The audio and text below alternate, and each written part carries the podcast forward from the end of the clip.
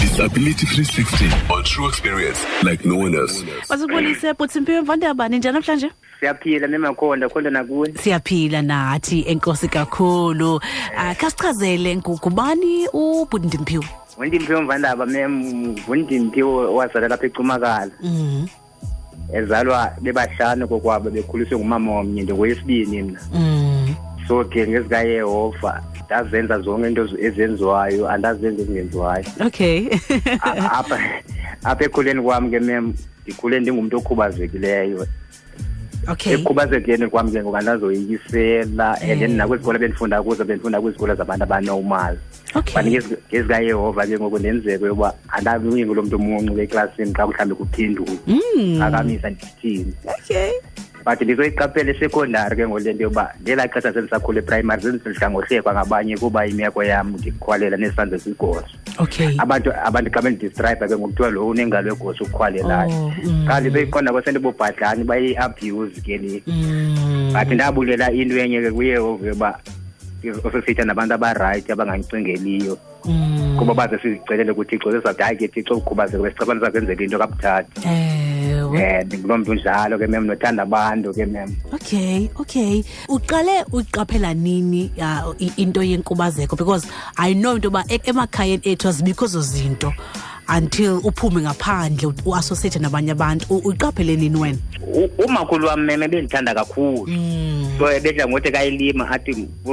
noba ndilimanga mna kuzawuplanta mna ndibuze kuthini kuzawuplanta mna mm. athi hayi abantu abanjengawo bayachunyelwa okay so xa ndiye ndiyibuze ke ngoku apha kwabo koomalume nakumama uba heyi kutheni umakhulu ngalo lonke ixesha efuna ndilime kuthiwa no abantu abakhubazekileyo bayachunyelwa ndizoyiqonda phaa okay um uba hayi ndikhubazekile mm. nalaa nto ke ngoku iba khona laa nto ufumaniseke uba ngelaa xesha lethu ngoze sisakhula sibhale ileta nalaa nto yoncwadi uqonde uba heyi mm. awuvunywe kaloku yile meko eh. ndizoyiqaphela i think noba sendisenza standard five me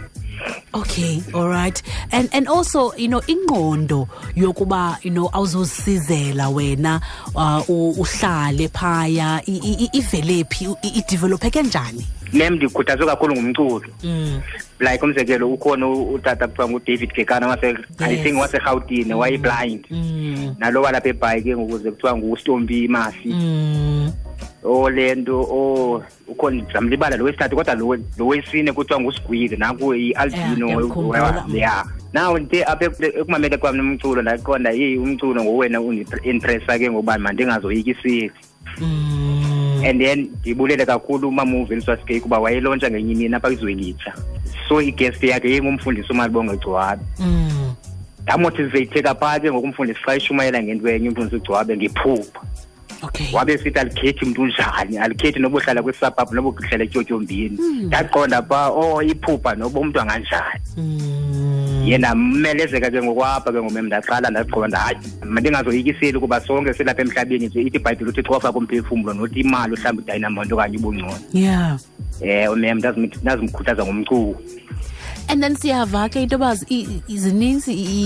ii-community projects othe wabe kanti ke uzibandakanya nazo um uyathanda kakhulu ke into enokwenza nophuhliso lwabantu abatsha khasichazele uh, wenza ntoni what are you involved with mem ukuya kwam ne ndizizile ezi bendiphupha ngazo ekuqaleni but azaphumelela okay but ndaqonda uba mandingafokhasi kwezi ziye azalunga mandifokhase kwezi phambi kwam naw kwenzekile i think last year ikhona ikhampani kuthiwa yilupha u-environmental iklina incisa umasipala kwezi ndawo zimdaka yaye ke yabiza abantu abatsha balapha kwindawo endihlala kuyo yako lo thamsanqa lololise yandim ndedwa okhubazekileyo mm. nalapho ke ngokhange ndizoyikisele xa ndifika ke na inabaphathi abarayithi ababini kuthiwa akhona isaacs nochwayita wakhe um eh, bandenza ke inqinisa yabo ilasekhosi so nalapho ke ngoku ndiye ndaqonda hayi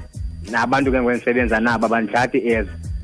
ndingumntu okhubazekileyo bonke bandithanda ngokulinganayo xa ke ngoku siye sikline senze mhlawumbi neekhampeyini azithuma mina siye to the ii-communities siyoqina and then sifundise ke ngonezikolo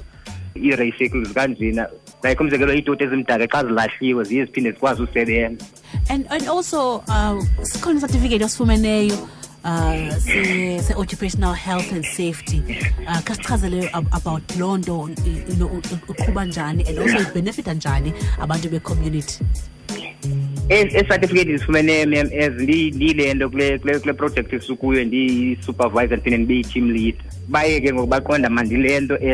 ezinto badla ngondiyaleza zona uba masizenze netim baye bazenze baye bandinika sona ke ngoku as ndiachivile kuba umzekelo xa nahlawumbi uyilida uye nawe ke ngoku ube nabo abaphatha ndiyiyalele kwe-head office ndiye ndiyenze ngobunjalo bayo um also ikhona ke ngwenenye itimu yalapha e, emdantsane emonti kuthiwa i-rise and shine disability magazine iye yandinaye yandi-interviewa yafuna uba mandenze incwadi ngejeni yam yokhubazeka oh, so eh, ya so nda-interviewa ke mem ndasibeka isitori kodwa i think mhlawumbi uba iphumanga ngoku uyawuphuma ngomatshi if ayiphumanga ngofebha okay also into endiyithandayo ke ngongaye laa ncwadi i-rise and shine disability magazine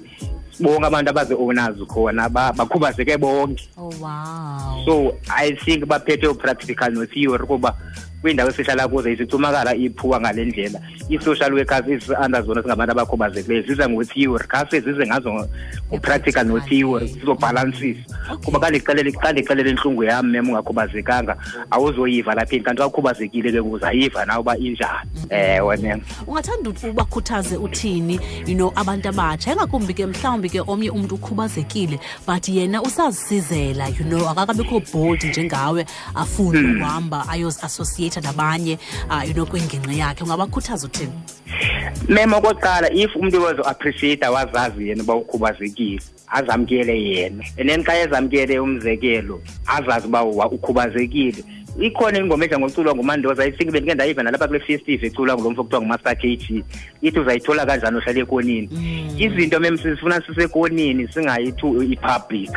and then let's say imzekelo zikhona ii-programs ezisponsarisha abantu abakhubazakile kule true f m umntu athi ova izinto ezinegative apha etrue f m abambelele kwinegative engakhange eze ngokwakhe azoziqondele yoba kwenziwa njani ukuze uncedakale ndifuna ukuthi ke ngoku umntu makaqala azazi azamkele uba ukhubazekile okunye angabi nantlonti koze akazenzanga akazicelelanga kuyehova oh, wow masibulela kakhulu ah, wethu andimphiwe angexesha lakho noba usichazele ke ngawe nesitori eso sakho